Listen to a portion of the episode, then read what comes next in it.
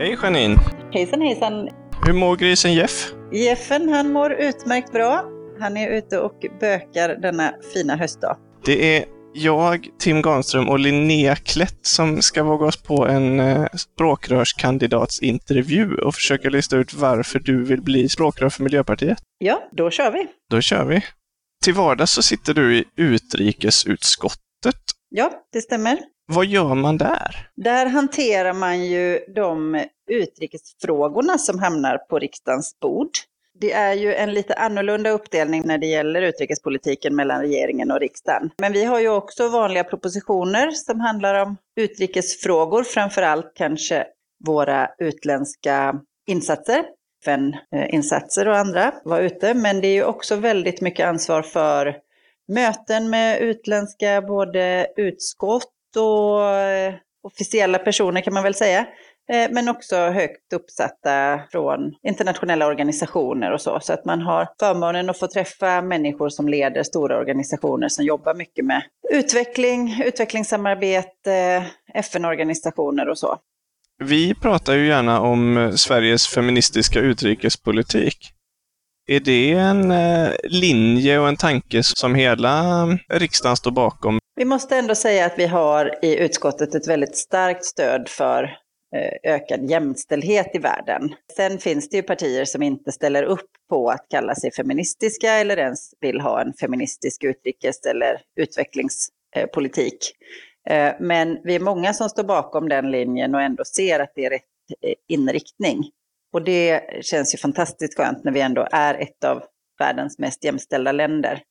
Eh, men det finns ju också partier som Sverigedemokraterna som faktiskt inte vill se en ökad jämställdhet utan eh, har en helt annan agenda. Både här hemma men också när det gäller våra internationella samarbeten.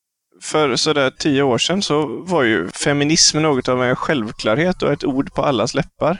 Den vägen tycktes liksom väldigt tydligt utstakad då, men nu har ju feminism och intersektionalitet och genus och antirasism nästan man kan uppfatta det som en måltavla snarare än något eh, eftersträvansvärt.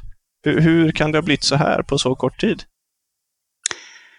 Jag skulle säga att det fortfarande finns väldigt bred uppslutning kring det, även om inte alla vill kalla det för feminism. Men vi ser ju en höger och en, en allt mer konservativa högern och ännu längre ut på, på den kanten. Där har man ju använt jämställdheten och feminismen som en en kamp och en hävstångsfråga att rikta in sig på för att faktiskt nå ut till fler väljargrupper och bli mer eh, intressanta för, för vissa grupper. Och det är naturligtvis eh, förfärligt att kvinnor används som slagträ i den politiska debatten när, när allt vi vill är att få jämställda rättigheter när det gäller allt ifrån lönebildning till rätten över sin egen kropp.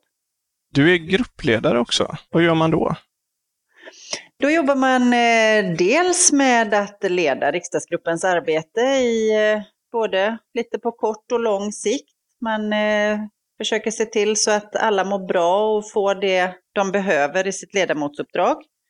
Men man har också ansvar för att eh, ha kontakt med andra gruppledare. Man sitter i riksdagsstyrelsen som ju fattar gemensamma beslut om hur vi ska utveckla hela riksdagsarbetet. Eh, och sen som gruppledare så sitter man ju också i vårt eh, ska vi säga, ledningsorgan eh, efter kongressen och partistyrelsen naturligtvis, som heter PLG, där vi hanterar dagsaktuella frågor och, och även frågor från partistyrelsen som vi behöver ta vidare i de olika processerna. Du har ju haft en mängd olika positioner. Skulle du vilja berätta om hur din resa i Miljöpartiet har sett ut? Mm. Det började ju med att jag ville bli medlem under lång tid, men det var ju på den tiden när det inte var så enkelt som att bara klicka i en ruta på en webbsida eller skicka ett sms. Så det där, eh, hade det funnits då hade jag nog blivit medlem betydligt tidigare. Eh, sen engagerade jag mig i Alingsås och blev ordförande och gruppledare eh, 2006. Och sen dess så har jag ju då hunnit syssla med både kommunpolitiken i två mandatperioder. Jag har varit politisk sekreterare i Västra Götalandsregionen och jobbat mycket med kollektivtrafikutveckling, regional utveckling, företagsutveckling och så vidare. Och sen, sen 2014 sitter jag ju i riksdagen och förra mandatperioden var jag ekonomisk-politisk talesperson. Väldigt spännande, där vi fick, jag fick vara med och utveckla partiets ekonomiska politik en hel del och sätta fokus på eh, the donut economy och att vi fick fortsätta att driva frågan om att vi måste ha en ekonomi som håller sig inom planetens ramar. Sen efter regeringsbildningen efter förra valet så har jag suttit i utrikesutskottet och eh, varit gruppledare. Och eh, sen en tid också jämställdhetspolitisk talesperson, vilket är väldigt roligt för att en av anledningarna till att jag kom in i politiken överhuvudtaget är jämställdhetsfrågorna. Vad gjorde du innan du blev heltidsengagerad i Miljöpartiet? Jättemycket olika. Eh, jag har pluggat och rest och jobbat med allt ifrån gruppboende, varit taxichaufför, volontär i Kenya. Det jag gjorde innan jag eh, gick in i politiken på heltid var att jobba i vårt familjeföretag som ekonomiansvarig. Så eh, det är en brokig väg in till politiken.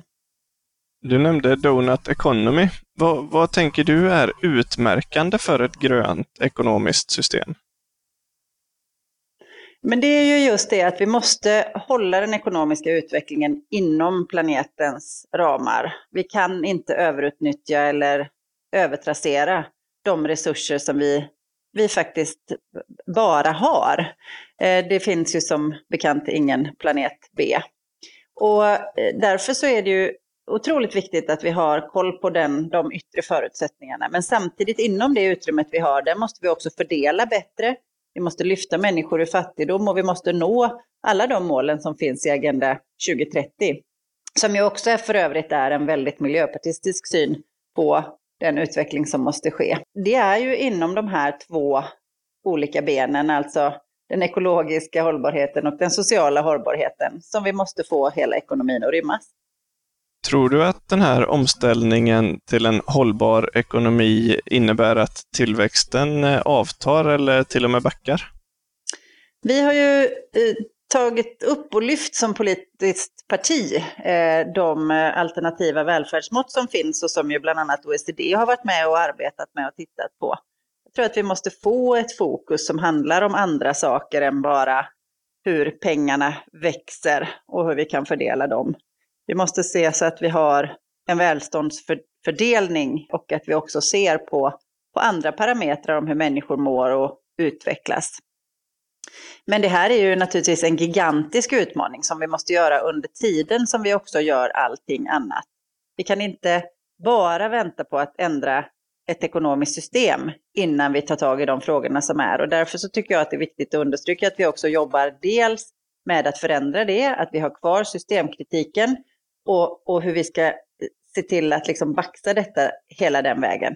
Men samtidigt så måste vi jobba i det systemet som vi har. Vi måste se till så att ekonomi och hållbarhet till exempel går hand i hand. För att det är då vi kan få fler med oss på tåget och det är då man kan accelerera den omställning som, som vi måste jobba med innan vi väntar på att ha, ha hittat någonting annat där alla får plats. Du säger att vi ska se till annat än eh, hur pengar växer och så. Och eh, vad, vad, tänker du då om de lite mer radikala frågorna som potentiellt är gröna frågor som tillväxtkritik, basinkomst och sänkt arbetstid? Men jag står helt bakom eh, sänkt arbetstid till exempel. Vi har på vårt företag redan 35 timmars vecka för personalen. Jag tror det är viktigt att man försöker i så stor utsträckning som möjligt leva som man lär. Eh, tillväxtkritiken är ju just det. Vi kan inte fortsätta ha en ekonomisk tillväxt på en ändlig planet. Där måste vi se till så att vi sätter stopp. Men jag tror att till exempel den cirkulära ekonomin som alla pratar väldigt mycket om nu, men som är otroligt svår, den är ju också en sån här helt samhällsövergripande ekonomisk fråga där det är så många olika delar som måste klicka i varandra. Men att vi nu börjar systematiskt göra det arbetet är ju otroligt viktigt. Så att vi kan ha en utveckling men inte nödvändigtvis en, hela tiden en, en, en tillväxt i ekonomiska termer. Vi har ju nu i, vi har ju uppföljning på 15 olika välfärdsmått i statsbudgeten till exempel som vi införde och som vi fick med redan i regeringsförhandlingarna till 2014. Så att vi jobbar ju på alla håll som är möjliga för att öka hållbarheten och de gröna idéerna.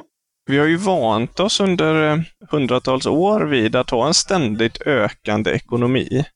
Om skatteintäkterna börjar sjunka och konsumtionsutrymmet minskar, är det en framtid som vi kan hantera på systemnivå? Vad kommer hända? Vad kommer alla människorna tycka och rösta på?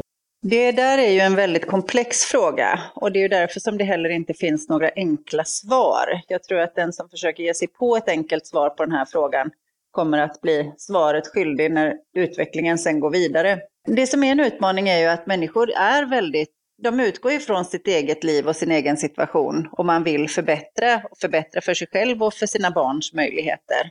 Det är ju grunden i människors drivkraft. Och där tror jag att det är viktigt att vi ser också och vågar tänka oss vad som kommer att hända om människor känner att de får det sämre.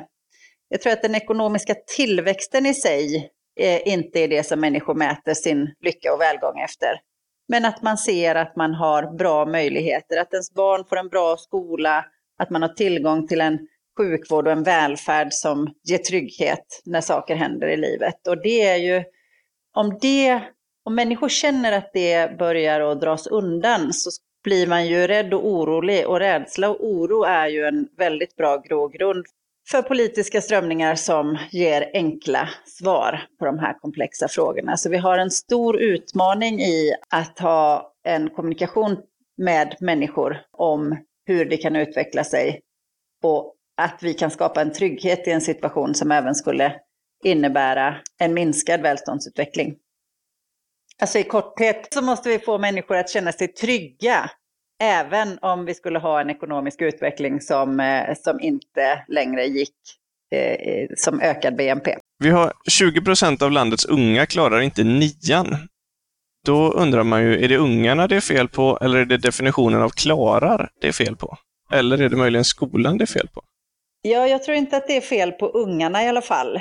De är ju barn och kan inte förmå bättre än de möjligheter vuxna ger dem. Sen tror jag att det är en kombination av eh, skolan, att den har för få resurser och inte har möjligheter att fånga upp dem.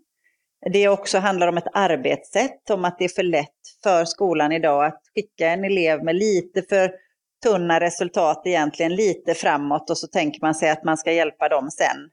Men när sen väl kommer så är det för sent. Man måste ju se de barn som har svårigheter alldeles redan ifrån början och våga sätta in resurser. Alltså som räkna, skriva, eh, läsa garantin som vi nu har infört. Det är ju en otroligt viktig reform för att stärka barn och barns möjligheter att faktiskt få en färdiggången skola. Vilket ju vi vet är en jättestor del, vattendelare för om du kommer att klara dig, få jobb och kunna utvecklas. Eller om du inte gör det. Kunde skolan vara lite mer steglös? Så att man började skolan när man var redo istället för just precis det år man fyllde sju. Och att man slutade när man var färdig istället för precis nio år senare. En sån flex flexibilitet skulle kanske vara en väg, men jag tror att kanske ett första steg är att se till så att de barn som behöver mer stöd också får det. Att man har möjlighet att ha en mer elevcentrerad utbildning helt enkelt. Där det kanske inte är att alla ska sitta i samma klassrum varje dag och plugga samma saker, utan att man har en större flexibilitet när det gäller att se till vad just den enskilda individen behöver.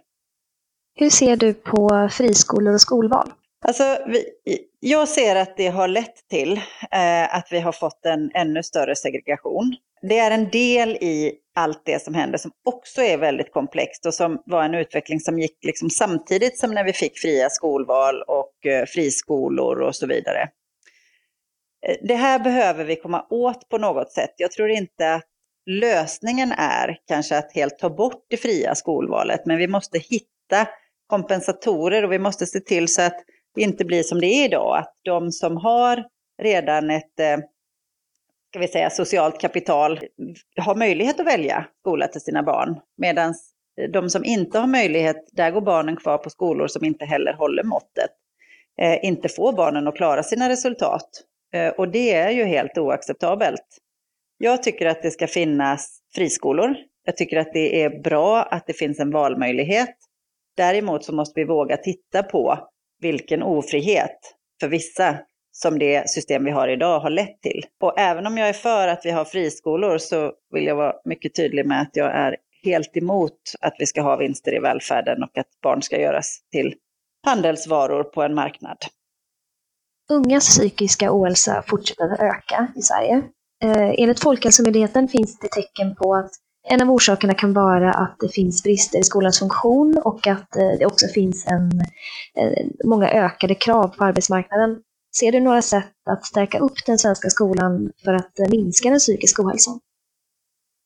Ja, men jag tror att det handlar om hela samhällssystemet som vi bygger idag. Alla ska springa snabbare, vara snyggare, coolare, roligare, göra bättre TikTok-danser och hela tiden jaga likes på sociala medier.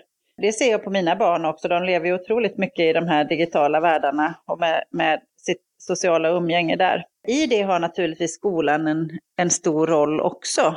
Men jag tror att det är svårt att peka ut skolan som den som helt har gjort att vi har, att vi har det så här. Men det är klart att de ökade kraven som hela tiden finns. Eh, man måste ha en utbildning för att kunna gå och få ett jobb. gör ju att det blir högre press och att den kommer allt längre ner i åldrarna. Vi har ju också ett betygssystem som idag gör att elever känner att de inte kan misslyckas på ett enda prov, eller känner, de kan inte det. Därför att då eh, sänker det resultatet i så hög grad. Och det är klart att en sån ständig jakt, att du måste vara på tårna varje dag, du måste vara ditt bästa jag exakt hela tiden för att ha en chans. Eh, det är klart att det skapar en enorm ångest och svårighet att, att också leva sitt liv och känna glädje över att man är barn och ung. Eh, vilket ju är en otroligt viktig del i en människas utveckling. Finns det idag ett glapp i eh, skolans uppdrag att lära barnen saker och eh, socialtjänsten och individ och familjeomsorgens uppdrag att se till att alla barn klarar sig i en trygg och välfungerande familj?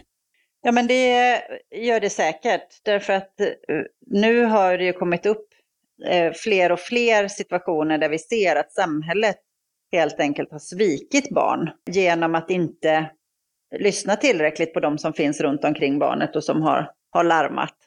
Vi vet ju att man redan från förskolan säger sig kunna se vilka barn som är i riskzon. Och det är klart att kan ett samhälle stärka upp ett arbete kring en sån familj, kring ett sånt barn, så har vi ju vunnit väldigt mycket. Vi har ju olika sekretesslagstiftningar av en anledning, men jag tror att det finns chans också att, eller finns en, en att vi behöver titta på var de här skärningspunkterna går, just utifrån att vi ska ha ett starkare barnperspektiv.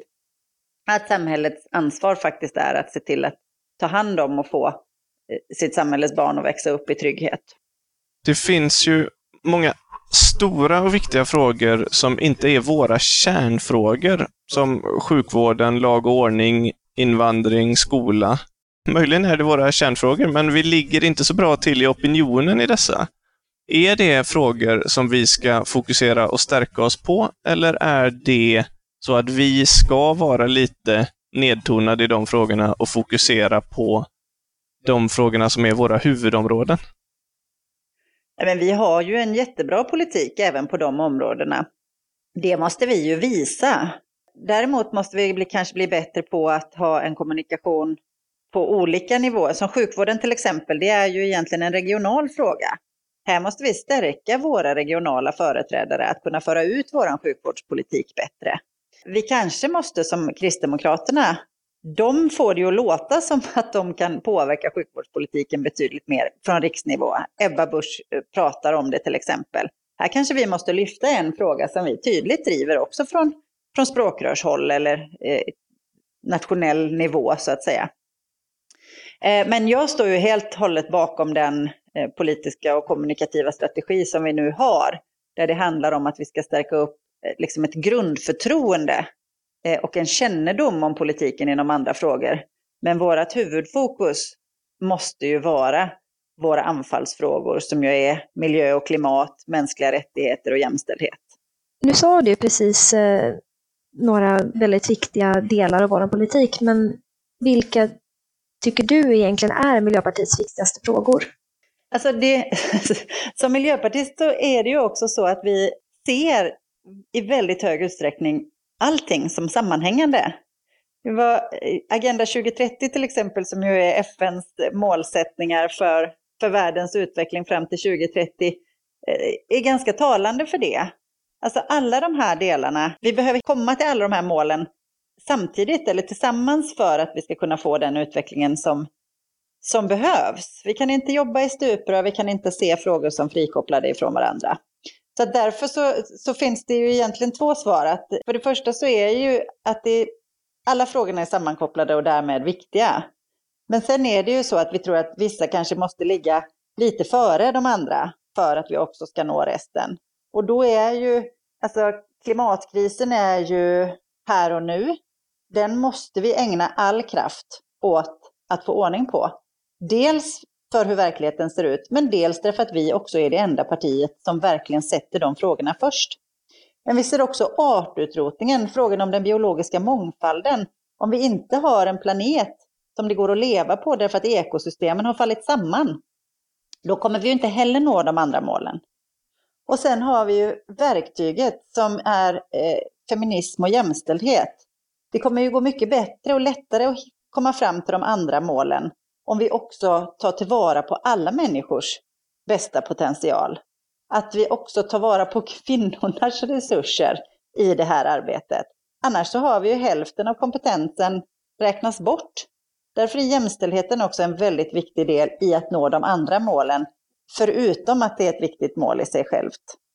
Och utan mänskliga rättigheter för alla så har vi ju också någonting som inte liksom fungerar på ett brett organisatoriskt plan. Och därför så är det också en fråga som är, är viktig att vi tar oss an och framåt. Och där ligger ju också demokratifrågorna. För vi kan inte heller ha en värld där människor inte har inflytande över sin egen tillvaro och vem som har makten. Så att jag tror att vi, det är otroligt viktigt att vi har helhetsperspektivet.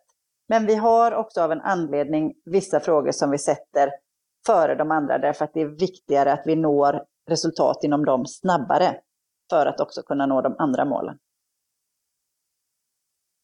Hur tror du att det är med teknikens möjligheter att lösa art och eh, klimatkriserna i jämförelse med eh, kanske att konsumera mindre? Men tekniken ska vi ju använda till max på de ställen där det finns och där det går. Vi ska försöka se till att vi utvecklar tekniker för att kunna skynda på klimatomställningen, som till exempel vätgasen, som ju nu har gett oss möjlighet att göra stål utan kol. Så att teknikens möjligheter ska vi använda fullt ut. Eh, men det kommer ju inte att räcka. Vi kommer behöva alla verktyg i verktygslådan för att komma till rätta med både klimatutmaningen men också utmaningen när det gäller den biologiska mångfalden. När det gäller det så jag ser inte att det finns något annat val än att skydda större områden, se till att vi värnar naturresurser och att vi bevarar stora ekosystem som vi vet att vi är beroende av för att kunna leva på den här planeten. Bör vi förbereda oss på en flera grader varmare värld? Bör vi bedriva politik för det? Ja, det tycker jag, därför att eh, det vet vi ju redan. Forskningen säger ju att det finns ju väldigt, väldigt små chanser att vi kan ha en värld som håller sig under ens två grader nu. Och det troligaste scenariot om vi går på i den här takten som vi har gjort nu är ju att vi kommer se en ännu större temperaturökning. De eh, scenarier som finns för hur det kommer att vara då är ju inte roliga. Men vi måste också jobba med klimatanpassning och våga se det som de scenarierna förutspår. Därför att annars så lämnar vi också människor i sticket i en framtid. Så vi måste jobba på två fronter. Dels försöka verkligen se till så att klimatförändringarna blir så små som möjligt. Men också naturligtvis förbereda oss för att de ändå kommer att komma. Hur ser du på kärnkraften och dess relativt låga koldioxidutsläpp och våran vilja att eh, avveckla den?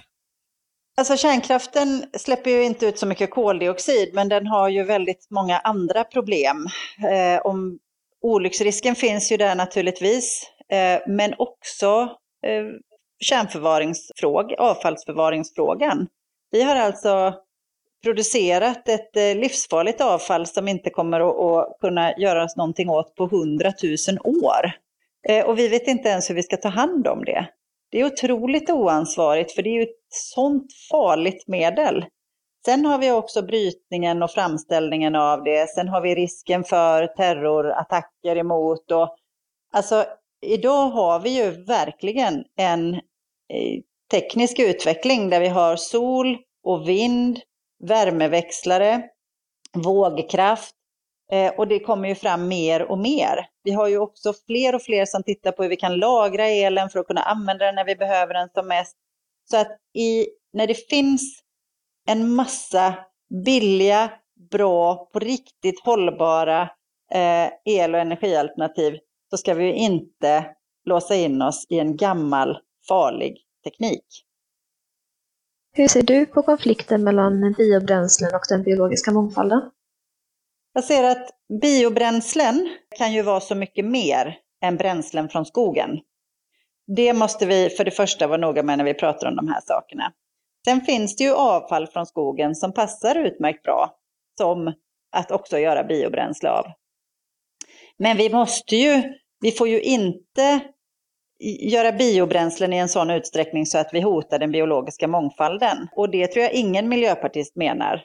Vi får mer och mer kunskap i de här frågorna hela tiden och det måste ju vara helt klart att de biobränslen som används eh, och som kommer att behövas i omställningen, de måste vara begränsade så att de inte inkräktar på, på, på den biologiska mångfalden och livet i skogen. Om vi tittar utåt över det politiska landskapet så ser vi ju att vänstern och Socialdemokraterna har en väldigt nära koppling till facken och Hyresgästföreningen och så vidare. Högern har motsvarande koppling till Svenskt Näringsliv och närstående organisationer. Centern, LRF, Skogsägarna.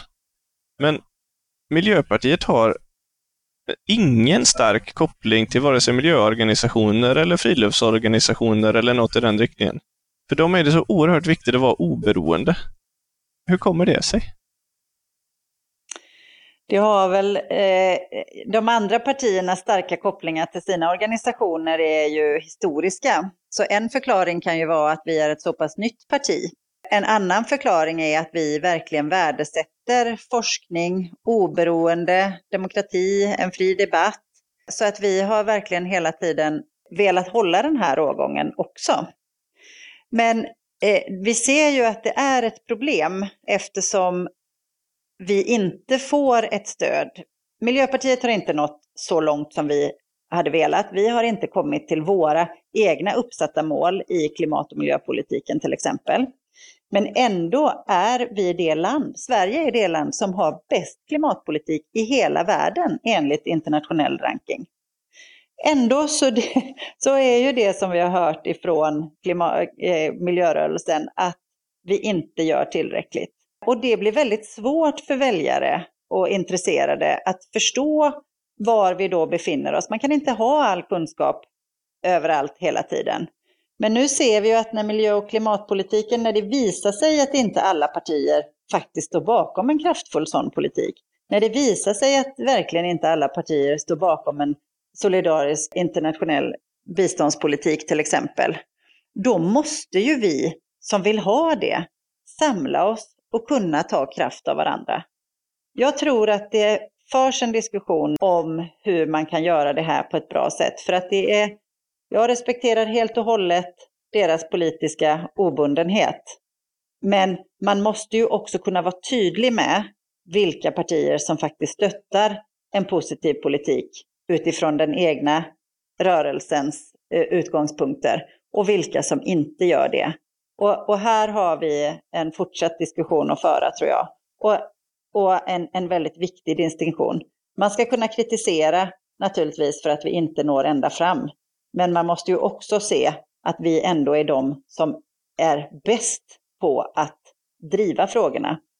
Du pratar om hur, hur de samlar kraft och energi. Men om vi går in på en lite mer personlig fråga kanske om, om Jamin. Så vem är du när du inte arbetar och eh, hur gör du för att ladda upp med kraft och energi? Men eh, för det första så älskar jag mitt jobb. eller mitt uppdrag, att få vara i politiken på heltid. Det är ju så, när man har börjat som fritidspolitiker så har man ju gjort det utifrån ett, ett brinnande intresse för politiken och därför så är det ju svårt att avgränsa kanske ibland när man eh, jobbar och när man är ledig. För eh, man håller ju på med politik nästan hela tiden ändå.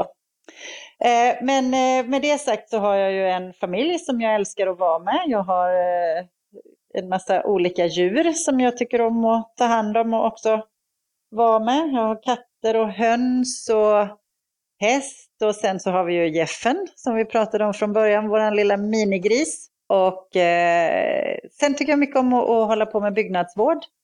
Vi har eh, gamla hus som behöver göras i ordning hela tiden och som man får ta pö om pö. Sen tycker jag om att läsa, umgås med vänner, äta god mat och slappa. Härligt. Du är från Allingsås. Är inte det lite av ett mecka för byggnadsvården? Ja, vi har ju en väldigt fin eh, stadskärna, en gammal, som kunde varit kvar ännu mer. Den har utsatts för lite förstörelse. Men så det är en mysig trästad att bo i. Vi har ett eh, bra centrum för eh, byggnadsvård strax utanför Näs. Men vi har också en, en väldigt, tycker jag, intressant byggnadsvårdsfirma som heter Hus till hus. Där man kan få mycket tips och råd och hjälp och hitta fina saker. Så att eh, jo, men det finns lite grann och sen så håller ju vårt företag också på med eh, hjälpmedel för att renovera gamla hus och gamla fönster. Och det ligger ju också i Alingsås. Så att det, alla sakerna bidrar väl tillsammans. Om du blir vald till eh, språkrör, vad tror du att du kommer göra en vanlig dag då? Vad jag kommer göra en vanlig dag om jag blir språkrör? Ja. Då tror jag att jag kommer att jobba. ja.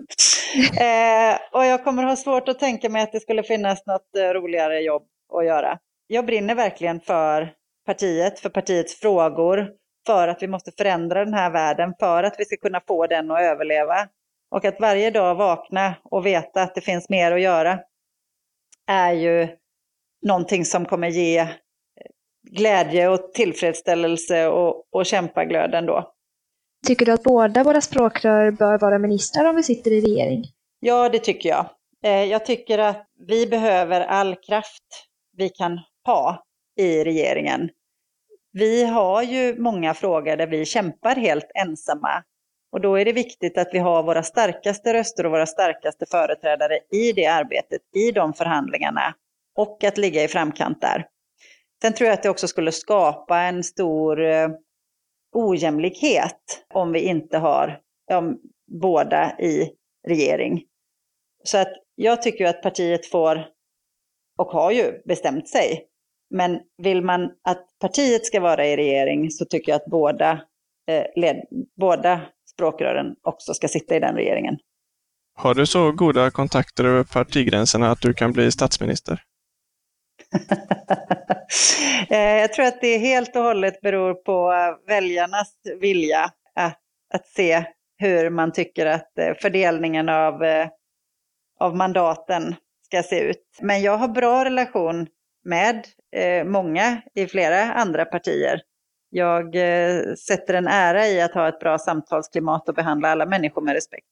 Hur skulle framtida regeringar kunna se ut? Kan du tänka dig att regera med vem som helst? Nej, jag kan verkligen inte tänka mig att regera med vem som helst. Sverigedemokraterna är naturligtvis helt uteslutna med tanke på både deras historiska arv men också den politik som de driver nu. Jag ser också att det ju är otroligt svårt eh, med hur Moderaterna och Kristdemokraterna har utvecklat sig. Jag vet dock att det finns människor i de partierna som vill åt ett annat håll, som ser en annan möjlig utveckling framåt. Men hur de hur de partierna nu ser ut och hur de blir ledda framåt så är det naturligtvis eh, helt omöjligt att ha ett nära samarbete.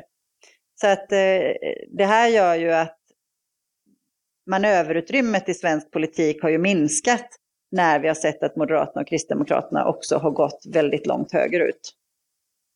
Skulle du kunna placera in dig själv på en höger-vänster-skala? Eh, ja, det kan jag nog till viss del. Jag är ju för väldigt mycket för ett starkt välfärdssamhälle. Jag tror att vi måste ha en väldigt utjämnande skattesystem så att vi får minskade klyftor istället för ökande. Men jag är ju också som företagare mycket medveten om att vi måste också stärka företagens möjligheter att utvecklas men också företagens roll i omställningen. Men på en höger-vänster-skala så har ju, eh, gjorde ju SVT en undersökning innan valet nu 2018 på vart de olika riksdagsledamöterna låg på olika skalor och där stod jag väldigt tydligt till vänster. Vill du leda eller följa partiet? Jag tror att som språkrör måste man både kunna leda och följa lite samtidigt. Jag är en väldigt bra lyssnare. Jag tycker om att lyssna in olika synpunkter, infallsvinklar, erfarenheter eh, för att kunna få ett så bra beslutsunderlag som möjligt. Men eh, när vi sedan har fattat ett beslut så är jag också väldigt bra på att leda i det beslutet och att få den utstakade inriktningen att faktiskt bli verklighet. Var ska vi vara om fem eller tio år som parti? Vi ska ju vara ett starkt grönt parti med bra självförtroende, höga opinionssiffror. Vi ska sitta i regering och fortsätta genomföra en kraftfull klimat och miljöpolitik. Vi ska ha nått betydligt längre inom jämställdheten än vad vi har gjort idag. Och vi ska kunna ha en, eh, en mångfald både i partiet och i samhället som alla är med på stärker oss istället för att som några nu vill uh, peka ut att, att vi skulle försvagas av det. Hur tror du att det kommer sig att så många som åtta kandidater har ställt upp till språkrörsposten? Jag tycker att det är ett eh, styrkebesked. Att vi är ett parti som ändå ligger runt spärren, att det finns många som vill eh, tala om kris och att vi skulle vara på dekis på olika sätt, att deras eh, inställning kommer på skam. Att det finns många som vill eh, och känner sig manade att leda ett parti visar ju på att vi har en otroligt stark kraft och en kraft att förändra och komma framåt. Och det ser jag som otroligt positivt. Och vi ser ju också hur den kommunikationen nu har lyft oss i, i media, där det finns en helt annan bild, där man inte längre pratar om kris, utan där man pratar om kandidater som vill leda ett parti och därmed också politiken i det partiet. Kommer du att kvarstå som kandidat även om du inte blir vald av valberedningen? Det är en fråga som jag får ta ställning till, eh, till då. Vem tycker du bör ta över Isabellas roll som klimatminister? Alltså det är också för tidigt att säga. Det är otroligt viktigt att vi bygger ett starkt lag. För språkrören är ju en sak, men vi har ju hela organisationen och det finns otroligt många med styrka och kraft och kunskap i våra frågor. Så att ett lagbygge för att kunna slå oss framåt och uppåt nu är ju otroligt viktigt. Men i själva sakfrågan om vem som ska sitta var, där får jag i så fall återkomma. Vi har ju en modell med två språkrör som är lite ovanlig. Men skulle den modellen, skulle det kunna finnas ett värde i att utveckla den modellen till att språkrören normalt kandiderar i par? Det har ju varit lite granna olika och valberedningar har ju ibland föreslagit par och att man har blivit valda tillsammans jag tror att det är viktigt att man ser, oavsett om det görs tillsammans eller så här vid olika tillfällen, så är det ju viktigt att man ser att språkrören kan komplettera varandra och när de väl vals, väljs, oavsett om det är samtidigt eller inte, att man ser att det är ett team som kan komplettera och leda partiet framåt och få fokus på våra frågor. Hur skulle du säga att du kompletterar Per? Jag tror att jag kompletterar Per genom att också komma ifrån en småstad utifrån landet. Jag har en annan bakgrund med eh, en arbetarfamilj och bland knappa ekonomiska förhållanden. Jag har en erfarenhet av utlandsarbete och volontärarbete. Jag har ju varit i Kenya och Östafrika. Jag har bott i Frankrike. Alltså alla erfarenheter man har med sig gör ju att man också tänker lite olika och har med sig olika saker in i. Jag tror att vi också kan komplettera varandra genom att vara tydliga med varandras möjligheter till att kommunicera i olika frågor, så att vi stärker oss tillsammans. Du har varit engagerad i kyrkan. Finns det ingen konflikt mellan vårt ständiga refererande till vetenskap och eh, kyrkans refererande till tro? Jag ser inte det, men det är en, en ständig och intressant diskussion att föra. För mig är ju religionsfriheten en otroligt viktig grundläggande mänsklig rättighet. Däremot så tror jag också att det är lika viktigt att man inte låter religionen påverka i politiken. Så att här är det ju människors egen tro är ju någonting som är eh, deras rättighet att ha. Eh, men när vi fattar beslut i politiken så måste den ju bygga på vetenskap och beprövad erfarenhet. Antalet religiösa samfund och trosinriktningar växer i Sverige. Och eh, hur ser du att religionens roll kommer att se ut i framtidens Sverige? Jag vet inte om jag är den som ska svara på hur religionens roll kommer att se ut i det framtida Sverige. Det känns som att det snarare är kyrkoledare eller religiösa ledare som ska svara på det. Jag kan bara utifrån mig själv säga att det är otroligt viktigt att vi har religionsfrihet. Men att vi också är ett sekulärt land där religionen inte har inflytande över politiken. Men att människor har rätt att utöva sin tro eh, är ju en grundläggande mänsklig rättighet och den står jag till fullo bakom. En massa människor är engagerade för en massa saker och brinner för att göra världen bättre. Hur ska vi göra för att de ska komma till oss och vad kan vi göra mer för att inspirera fler att engagera sig? Vi måste ju visa att vi har svaret på, på de frågorna som de ställer. Att om man är engagerad för klimatet och miljön, då ska ju vi vara det självklara valet. Då måste vi ha en betydligt tydligare kommunikation gentemot de grupperna som till exempel Greta-generationen och Fridays for Future. Där finns det ju en hel del som vi kan göra för att vara tydligare och visa på. Och det var det som jag pratade om förut också, att när vi måste vara tydligare i kommunikationen om vad som är våra ingångar och vad vi vill åstadkomma. Att vi är så mycket mer än resultatet av våra förhandlingar och våra kompromisser. Eh, men sen tror jag också att vi måste vara bra på att möta de eh, nidbilder som finns av Miljöpartiet runt om i, i landet och i olika grupper. Man utmålas som, vår politik utmålas ju som rent skadlig på många områden och, och det är naturligtvis ett motstånd mot att människor som kanske egentligen tycker att våra frågor är de allra viktigaste, de vill inte rösta på oss ändå för de upplever att vi kanske är, är så förfärliga på andra områden. Vi måste ha ett personligt tilltal till de människorna som faktiskt sätter det som vi tycker är viktigast, som de också tycker är viktigast, så att vi kan entusiasmera och visa att det finns olika vägar att engagera sig för att skapa en bättre värld. Hur gör vi det då? De som kommer till oss och engagerar sig, hur gör vi för att deras engagemang ska fortsätta brinna och hur ska de få utrymme att driva sina frågor?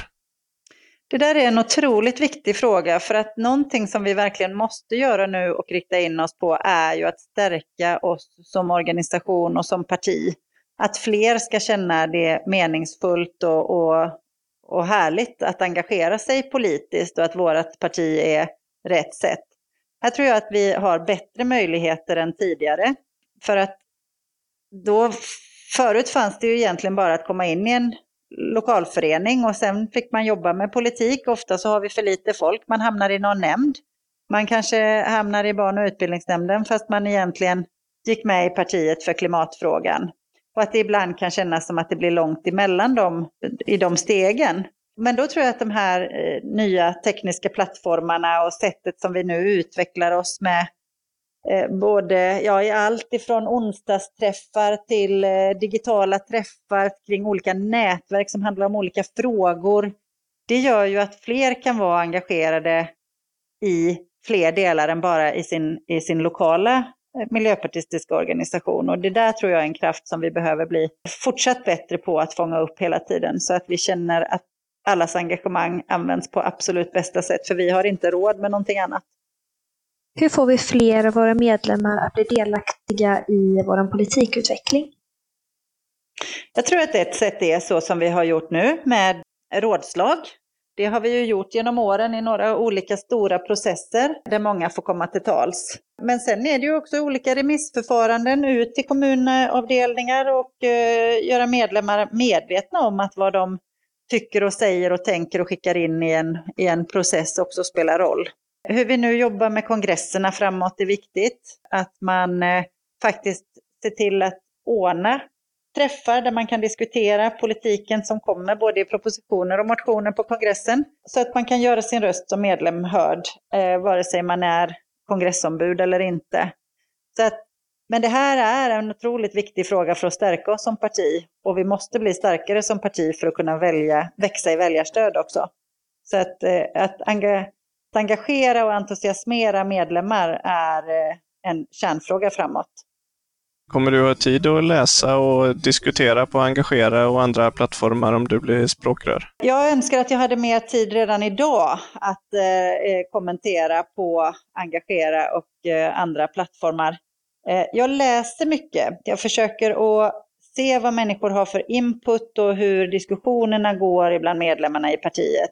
Däremot så hinner jag väldigt sällan skriva speciellt mycket. Och jag tror att vi också måste ha den uppdelningen. Jag tror inte att vi ska använda språkrörens tid till att göra personliga kommentarer i trådar och, och, och på olika delar. Vi har ju olika uppgifter i ett parti. Och däremot så är det otroligt viktigt att språkrören lyssnar på partiet, tar in synpunkter eh, och har medlemskommunikation. Eh, men kanske inte att man hinner med på det direkta sättet som man eh, skulle önska. Vilka historiska språkrör har du mest gemensamt med? Ja, mitt, min eh, stora förebild är väl Maria Wetterstrand. Hon eh, gjorde ju ett enormt bra arbete på, på sin tid som språkrör med att ha en rak och tydlig kommunikation som eh, människor tyckte kändes äkta och engagerad. Och därför så fick vi också väldigt stort förtroende under hennes tid som, som språkrör. Där Peter ju också var med och och gjorde en eh, insats för att vi skulle vara väldigt eh, populära. Men det finns, det finns ju många språkrör som har gjort ett eh, avtryck och allihopa har ju kämpat för just det som är våra gröna frågor. Om att vi helt enkelt ska skapa en bättre värld. Vad har du för andra politiska förebilder? Alltså det, det, är ju svårt det där med politiska förebilder för att det finns ju alltid både eh, hyllningar och eh, kritik. Men det är klart att de som har jobbat för de frågorna som jag tycker är viktiga är ju de som, som jag också vill lyfta fram. Sen är en människa aldrig liksom helt och hållet en förebild, för det finns alltid för och nackdelar. Men tidigare stora politiska ledare som har jobbat för uh, mänskliga rättigheter, fred, feminism är ju de som som jag har. Som eh, Nelson Mandela, Madeleine Albright, eh, Mahatma Gandhi. Hur ska vi göra för att bygga upp ett förtroende som sträcker sig långt utanför de eh, väljare som vi har idag? Ja, men det var det som jag var inne på på en tidigare fråga om att vi måste också tala till eh, fler om att vår politik också är en politik för dem. De som kanske inte känner igen sig i de som kanske inte känner att klimathotet är det största, mest överhängande hotet, utan de kanske tycker att en, en bättre skola är viktigare eller att en bättre äldrevård är, är viktigt för att deras gamla föräldrar ska få ett, ett så bra liv som möjligt. Och här har ju vi politik, vi måste bara bli bättre på att kommunicera den också. Men dessutom så finns det ju många som, eh, som utmålar oss med starka nidbilder av vad miljöpartister vill göra för att förstöra Sverige. Och det är klart det blir en stor, ett stort motstånd så vi måste jobba på båda fronterna samtidigt. Betyder det att vi ska vara ett bredare, mer pragmatiskt parti eller ska vi vara ett radikalt parti? Alltså jag tror ju att vi kan vara båda. Vi måste visa tydligt att vi har en radikal klimatpolitik som kommer att rädda den här planeten. Men det behöver ju inte stå i motsats till att vi också ska kunna vara ett bredare pragmatiskt parti. Därför att vi kompromissar ju in, alltså vi når fler väljare inte genom att kompromissa med miljö och klimatpolitiken utan att också förklara för den bredare eh, publiken eh, hur den politiken också ska göra det bättre för dem. Och här tror jag är otroligt viktigt att vi kan ha två tankar i huvudet samtidigt och att de inte behöver stå i motsats till varandra. När man ser i andra länder där de gröna partierna lyfter, som till exempel i Tyskland, så betyder ju inte det att de har minskat ner sin miljö och klimatpolitik. Men de har ändå lyckats få fler att känna sig delaktiga i det som måste göras och ha ett ökat förtroende för andra delar av politiken också. Vad kan du göra för att bygga upp ett starkare förtroende för politik som verktyg och för politik, politiker i allmänhet? Det är ju inte bara av oss det finns nidbilder, utan av hela politiken finns det ju en nidbild. Så är det. Och där tror jag att vi politiker måste bli bättre på att prata om till exempel frågor som demokrati. Visa att vi är helt vanliga människor som har valt att engagera oss och driva politik. Men att det kan du också göra. Peter Eriksson hade ju i veckan en jättebra artikel som handlar om precis det här. Om att politiker inte är någonting, är inte några väsensskilda varelser utan är personer precis som du och jag. Men som har valt just politiken som verktyg för att förändra. Eh, och att det är viktigt att vi blir fler som gör det. Att en eh, livaktig demokrati beror på de politiker som finns och att, att varje människa kan känna sig inbjuden att delta och vara en del. Det tror jag är viktigt. Men sen är det ju så att det måste även komma ifrån andra grupper i samhället. Som där man, för att annars kommer det ju alltid riskera att upplevas som att man talar i egen sak på något sätt. Det går ju inte att försvara sig mot politikerförakt genom att säga att jo, politiker är visst bra. Utan det måste ju andra göra. Eh, så att vi får ett offentligt samtal om vad demokratin innebär och vilken vikt den har. Och det är viktigt, för att annars så, så urholkas ju demokratin och vi ser ju det runt om i, i Europa och världen idag. Vi är nu ett, ett litet regeringsparti Eh, och det verkar ju inte dra till sig sådär jättemycket väljare och aktivister, men eh, tycker du att det är en bra idé att sitta i regering även när vi har så få mandat? Ja, det tycker jag. Våra 4,4 procent har ju gett en otrolig utväxling i politiskt resultat.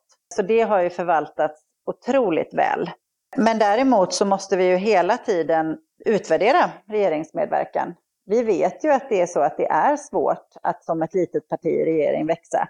Det är eh, internationellt konstaterat och eh, är ju, har varit en sanning under många år. Man, kan ju, man måste ju hela tiden se till att man dels utvärderar om man gör tillräcklig nytta och vad det innebär för kostnader i form av väljarstöd. Vi måste titta på det här väldigt noga och följa den utvecklingen som nu är.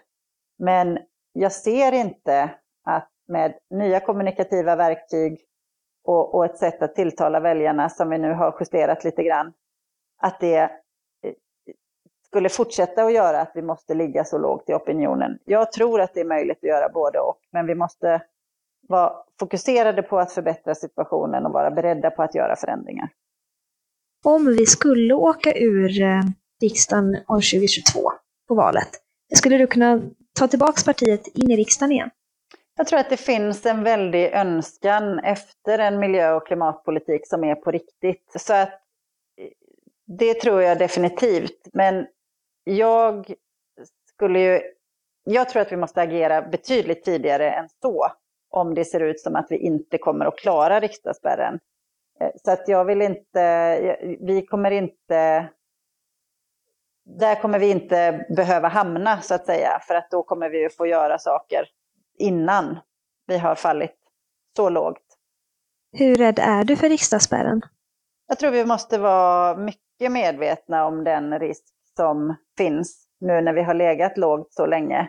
Däremot så ser jag att vi också har en väldigt tydlig potential att växa.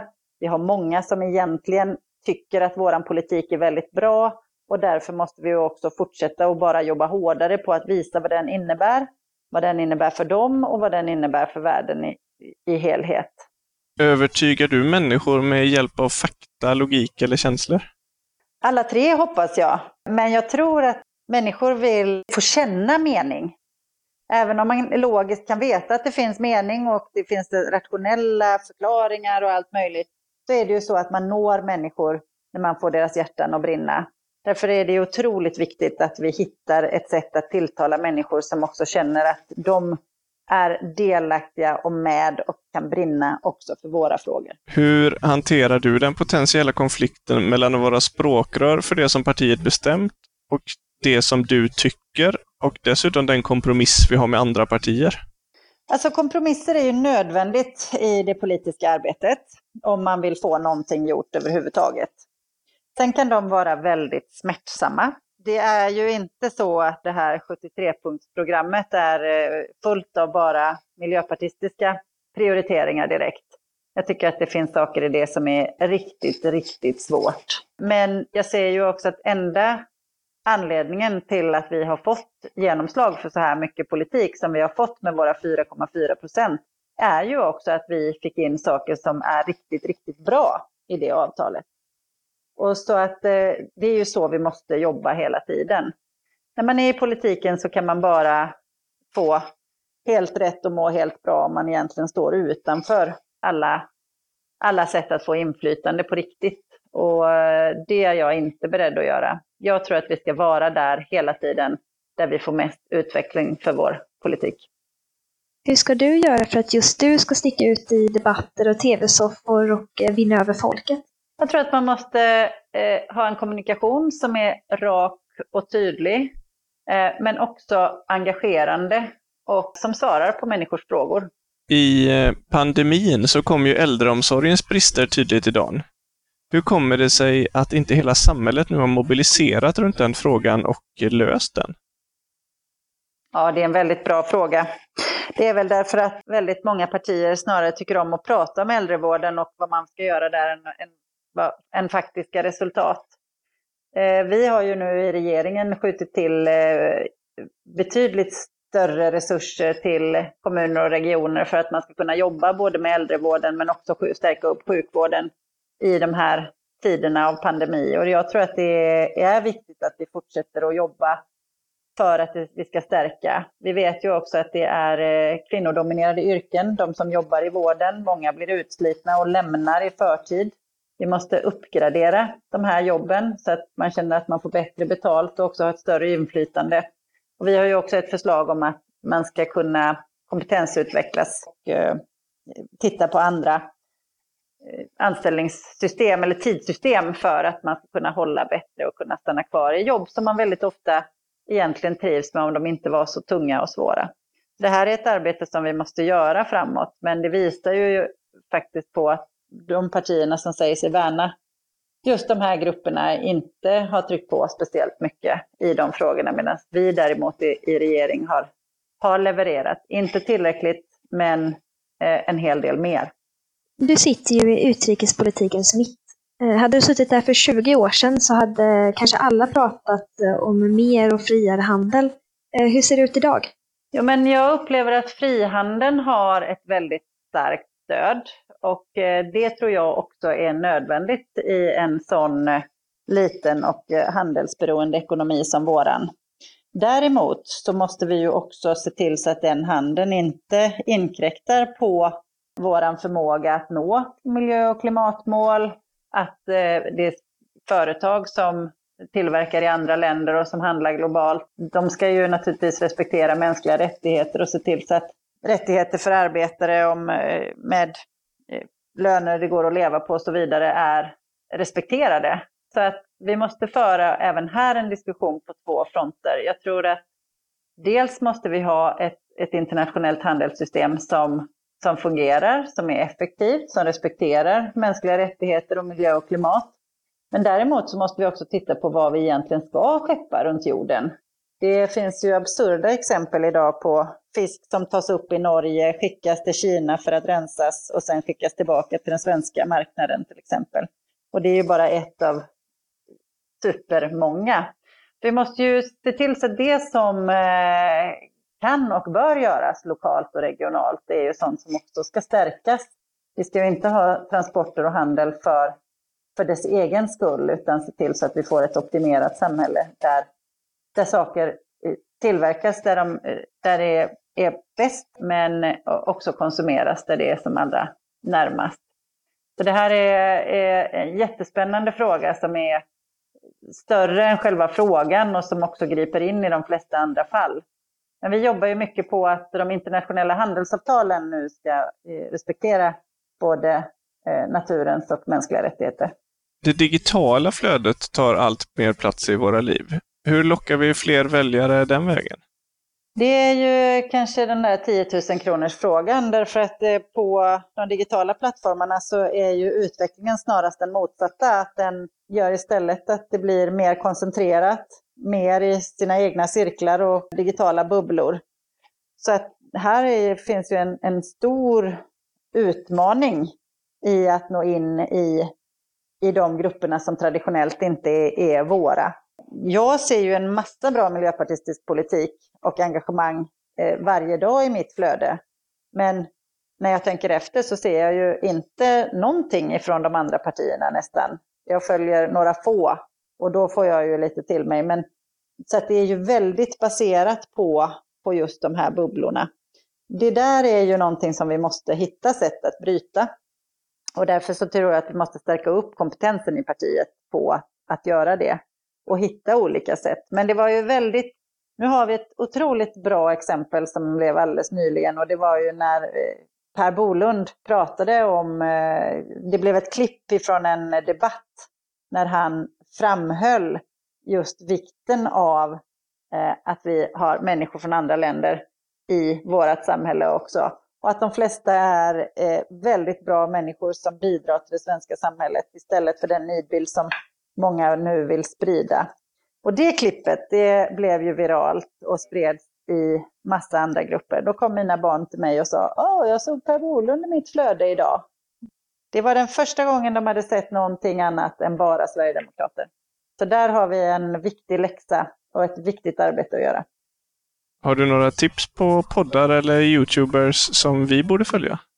Jag hinner tyvärr inte eh, lyssna så mycket på poddar och YouTubers som jag skulle önska. Och de som mina barn följer, de vill jag nog inte rekommendera. Då sparar vi det. Som du sa, det dyker upp mycket Sverigedemokrater i flödet, men eh, det tycks mig ju som att det ständigt diskuteras migration i det sociala medieflödet och på tv och radio. Kan, kan du övertyga många väljare om att det är just våran position som är den rätta? Det hoppas jag. Alltså, vi vet ju att det finns ett starkt stöd för en human migrationspolitik. Att vi ska ta emot människor som är på flykt, att vi inte ska splittra familjer och att barn som har varit här länge ska få en möjlighet att stanna. Det är någonting som vi ska stå upp för med självförtroende. Sen måste vi kommunicera det på ett sätt som gör att man inte får trollarméerna att övertyga människor om motsatsen. Eh, och det här är den stora utmaningen. Men just nu så är det ju också stort fokus på migrationen för att vi har migrationskommitténs betänkande som kommer. Vi har de ensamkommande som utvisas trots att de har varit här eh, jättelänge och kan bidra. De eh, har ofta utbildat sig till saker som vi behöver kompetens inom. Och det finns en massa delar i det här. Och så många känner det här dumt och dåligt. Att vi inte använder våran de resurserna som vi har eh, på bästa sätt, må det vara eh, var de än kommer ifrån. Och här har vi eh, en otrolig styrka i vår politik. Men vi behöver också hitta sätt att möta de här högerargumenten. Och det tycker jag att Annika Hirvonen har gjort på ett otroligt bra sätt nu när migrationskommitténs betänkande har kommit. Hur går integrationen till i ett grönt Sverige?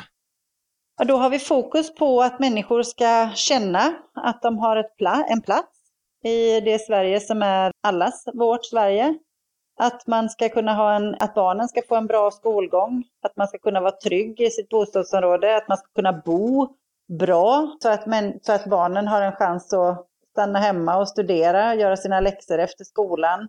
Att man inte ska behöva vara rädd när man går ut, varken på dagen, kvällen eller natten. Att alla människor ska ha en sysselsättning som gör att de känner att det känns meningsfullt och att det finns en framtidstro och ett framtidshopp.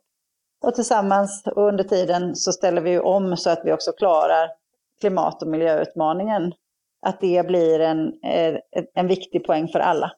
Sysselsättning och en meningsfull tillvaro är ju grundläggande för oss människor. Eh, finns det utrymme att inspirera kommuner att skapa fler antingen projekt eller andra insatser som sträcker sig över en längre tid, där människor kan mötas och skapa kontaktnät och förståelse för varandra?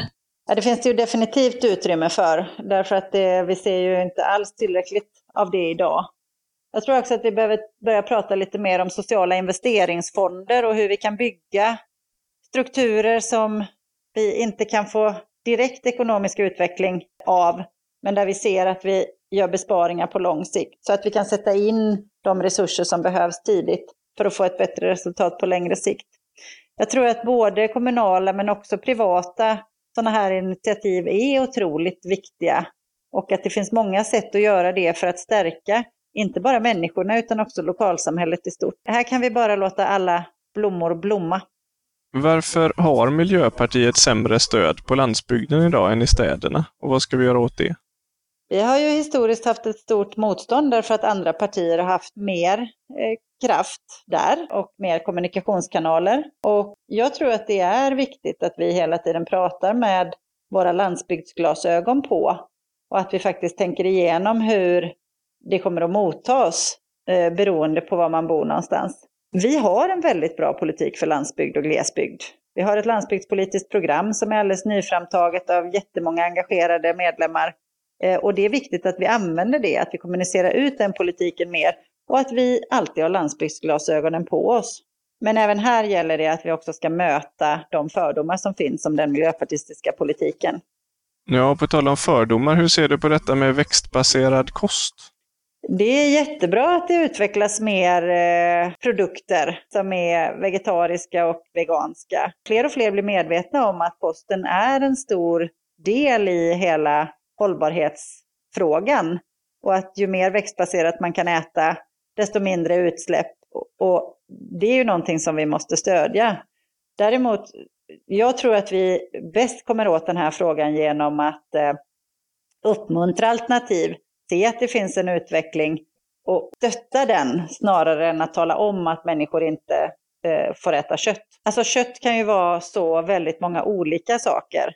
Det är ju en jättestor skillnad på att äta eh, en biff ifrån en kossa som har gått eh, utanför din stad och samtidigt producerat biologisk mångfald och, och mjölkprodukter till exempel, än att äta en, en eh, biff ifrån Argentina som, är, som sägs vara naturbetad men istället är uppfödd på, på sojaproteiner och därmed har kostat extremt mycket i, i utsläpp både under sin livstid och, och i sina transporter.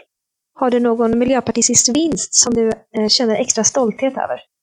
Ja, det finns ju otroligt många. Eh, jag tror att några av de viktigaste segrarna ändå är att vi har lyckats sätta nya regler, lagar, arbetssätt på plats förutom de stora ekonomiska insatserna vi har gjort för att, att göra en omställning. Så att jag, det jag tänker på är att vi har fått igenom en klimatlag, vi har ett klimatpolitiskt råd, vi har en eh, ekonomisk politik som styr mot ökad hållbarhet i, i en sån utsträckning så att Preem drar tillbaka sin ansökan om att få fortsätta göra fossila bränslen. Och, allt sånt sammantaget gör ju att det känns hoppfullt för framtiden. Vi måste fortsätta att arbeta på en sån systemförändrande nivå. För att det gör ju att det möjliggör ju att företag och andra också kommer följa efter, att vi får en bättre förutsättning för den omställning som vi måste göra. Vi är ständigt övervakade av Apple och Google och Facebook och NSA och FRA och polisen och allt möjligt. Hur ser du på den utvecklingen?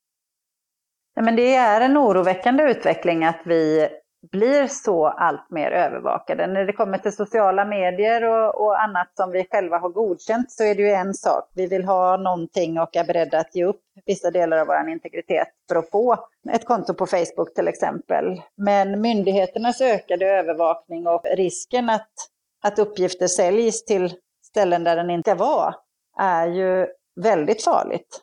Vi kan ju tycka att det känns inte så farligt i en stat som våran. Men eh, vi vet ju också att demokratin är bräcklig och eh, om man inte vet vad, vad, det finns för syfte i bakgrunden att komma åt ens, ens personliga uppgifter så kan det ju snabbt bli väldigt farligt i ett samhälle som till sån stor utsträckning övervakar. Så vi behöver eh, göra allt för att vara försiktiga och se till så att vi reglerar det här så mycket som möjligt. På tal om det där med hot. Borde vi inte ha en fredsminister som har freden som sitt huvudsakliga arbetsområde? Jag tror att det, det låter ju som en eh, framgång, men jag tror att det är bättre att vi ser till så att vi får en fokus på fredsarbete mycket starkare i hela regeringen och alla de ministrarna som hanterar det idag, som utrikesministern och försvarsministern och även de som jobbar med inrikes säkerhet idag kan vi väl säga. Eh, även en demokratiministern har ju ett ansvar för fredsfrågor till exempel, därför att vi vet att demokrati är ett starkt skydd emot krig till exempel. Eh, så att jag tror att det är lätt att tänka att man skulle få fokus på fredsfrågan. Men risken är att den som skulle heta fredsminister inte hade ansvar för de frågorna där vi måste påverka. Och därför så tror jag inte att det skulle leda till mer fred Eh, och fredlighet. Men däremot så är det otroligt viktigt att vi fortsätter att sätta de frågorna väldigt högt. Och där har ju vi som parti varit tydliga med till exempel att vi vill att vi ska skriva på kärnvapenkonventionen eh, för att förbjuda, förbjuda kärnvapen. Eh, och likadant att vi nu jobbar hårt för att vi ska få till ett förbud mot autonoma vapen, som ju är ett hot både mot freden och människorna och, och utvecklingen i stort. Så att, eh, fredsfrågorna ska hållas högt, men jag tror inte att vi hade fått mer fokus med en fredsminister. Vad anser du är de viktigaste utrikespolitiska frågorna idag? Vi ser ju en utveckling i det internationella systemet som är oroväckande. Vi ser hur eh, galna eh, makthavare till höger, ingen nämnd och ingen glömd, flyttar fram sina positioner. Jag hoppas att det kommer komma ett bakslag nu på tisdag när amerikanerna går till val och att man kan få en, en, annan ledare på plats som har en helt annan agenda. Det internationella systemet är satt under hård press och att vi ska stärka de goda krafterna och samarbetet, ha fokus på att vi går framåt tillsammans och att vi kan stärka varandra. Det är otroligt avgörande nu. Vi måste vara en kraft för att stärka det internationella systemet, för FN-systemet och för samarbete. Det ser jag som det viktigaste. Vad tror du om en amnesti för alla de människor som lever och verkar i Sverige men som är i någon sorts limbo eller saknar uppehållstillstånd och befinner sig i skuggsamhället? Jag tycker att vi behöver göra allt vi kan för att eh, de människorna ska få det så bra som möjligt. Vi har ju haft en politik som har gjort att det har blivit enormt långa väntetider och allt sånt där behöver vi ju verkligen bli bättre på. Själv känner jag att en amnesti för ensamkommande skulle vara ett bra sätt att kunna få de här människorna att känna en trygghet och kunna känna tillhörighet och komma igång med sina liv. Som det har varit nu och hur systemen hela tiden har blivit eh, har ju satt en enorm press på de här människorna och alla de runt omkring som, som jobbar för att, att hjälpa dem. Och de förslag som nu ligger om eh, korta tillfälliga uppehållstillstånd kommer ju göra att det är många som kommer fortsätta att vara i den här situationen där man inte kan känna en trygghet och det, det tycker jag är förfärligt. Vi vill ju få så många som möjligt att eh, rösta grönt. Eh, hur skulle du se att drömkampanjen ska ut? ja, det är en kampanj som naturligtvis inriktar sig på att få alla de som brinner för klimat och miljöfrågor att känna att vi är partiet för dem.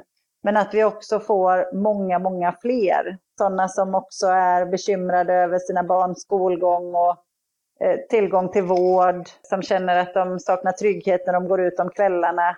Att de också ska känna att vi är ett parti för dem och att vi har svar på deras frågor. Att omställningen är som en eh, naturlig del i en annan viktig politik och inte ses som det utmålas idag, att det skulle vara ett hot mot människors sätt att leva. Hur kommer Sverige och världen se ut om tio år, tror du? Det beror ju helt på hur människorna väljer att den ska se ut. Om man väljer parti och företrädare utefter att man vill ha en fredligare värld som tar sig an klimatutmaningar och ser till så att vi har en rättvisa och en hållbarhet, då kommer den ju att gå i en rättvis och hållbar riktning. Men om vi fortsätter att få en utveckling där väljarna hellre vill ha enkla svar på svåra frågor och eh, känner sig rädda och osäkra och då hellre se till en starkare despot och en eh, högerkonservativ agenda så är det såklart att då kommer världen gå i en högerkonservativ riktning. Just nu är vi ju lite vid ett vägskäl. Eh, valet, det amerikanska valet är ju en sån sak som visar på det, men också sådana saker som att eh, hur Kina väljer att göra framåt, eh, hur Ryssland, vad de ser för väg, hur Turkiet kommer att agera i Mellanöstern. Allt det där är ju saker som kommer att påverka och det enda vi kan vara säkra på det är att Miljöpartiet och gröna röster för ökad hållbarhet både när det gäller miljö, klimat och, och social rättvisa är ju att vi kommer att behöva, så vi kommer behöva jobba väldigt, väldigt hårt. Vi har ju några starka avdelningar med ett högt engagemang uppe i norra Sverige, men vad tror du mer vi kan göra för att lyckas etablera Miljöpartiet som en stark kraft i Norrland? Men vi måste ju eh, dels eh, prata med dem och se vad de har lyckats göra rätt. Och jag var ju i Norrland precis och pratade med flera av de här företrädarna. Och de har ju ett engagemang och ett driv i sina frågor som eh, är viktigt att vi, vi ser på. De har också ett sätt att kommunicera med väljarna utifrån väljarnas viktigaste frågor. Och jag tror att vi måste som helt parti eh, stärka de lokala avdelningarna som finns i alla våra glesbygder eh, och på landsbygden för att vi ska få bra företrädare som också kan sprida vår politik. Det är som Karin Tomasson eh, som sitter i partistyrelsen brukar säga, att alla gillar en miljöpartist men eh, alla gillar inte Miljöpartiet. Och den kopplingen måste vi låta folk göra i betydligt högre utsträckning. Vad kan riksnivån göra för att stötta de små lokalavdelningarna som du beskrev förut, där det ofta är ganska få människor engagerade och de har väldigt mycket på sitt bord och de har många nämnder och de har många möten. Vad, vad kan vi hitta för metod för att stödja dem? Vi har ju jobbat med att man ska kunna ha bättre samarbeten mellan kommuner och inte behöva ha en lokalavdelning i varje kommun till exempel, så att man kan dela på det där organisatoriska arbetet och istället fokusera på det politiska arbetet. Det är en sån sak. Vi behöver också titta på, inför förra valet hade vi valsamordnare som hjälpte till att finansiera eh, för att man skulle kunna få en kraft in precis där man behövde det och kunna liksom få upp ett arbete i valrörelsen. Och det ett sådant arbetssätt behöver vi titta på att kunna ha så starkt som möjligt eh, även framåt. Men vi har ju även, eh, nu har ju organisationen börjat med de här digitala verktygen som har kommit fram också med corona. Men även innan så hade vi ju, nu kan man ju samla alla som är anställda och förtroendevalda utifrån landet digitalt på ett helt annat sätt. Så att vi kan ha en tätare kommunikation och få reda på vad de behöver för att vi ska kunna stärka dem. För att efterfrågan måste ju komma också utifrån de som ser vad de behöver för hjälp. Vi har ju inte bildradio ännu, men vi kanske kan avsluta med om du kan hjälpa oss att måla upp en bild.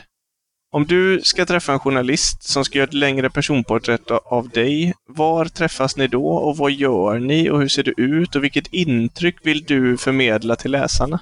Ja, det var ju en fråga som kanske kräver en eh, del eftertänksamhet. Men eh, det är klart att man vill träffa en journalist som ska göra ett sånt reportage på ett ställe där man känner sig hemma, trygg, där man eh, har roligt, där man också kan ge ett intryck av den kamp, den vilja till förändring, den nödvändigheten av att vi ställer om och som kan ge en så positiv bild som möjligt av det partiet och de frågorna som man är där för att kämpa för faktiskt ska få genomslag. Ja, vi får tacka för det. Ja. det här, jag tycker det här har gått väldigt bra. Du har ju en riktigt bra radioröst. Ja, vad bra. har jag några bra svar på frågorna då, Tim? Det är väl ännu viktigare. ja, det är också viktigt. Det hoppas jag och tror jag. Men det får vi se när vi lyssnar igenom den.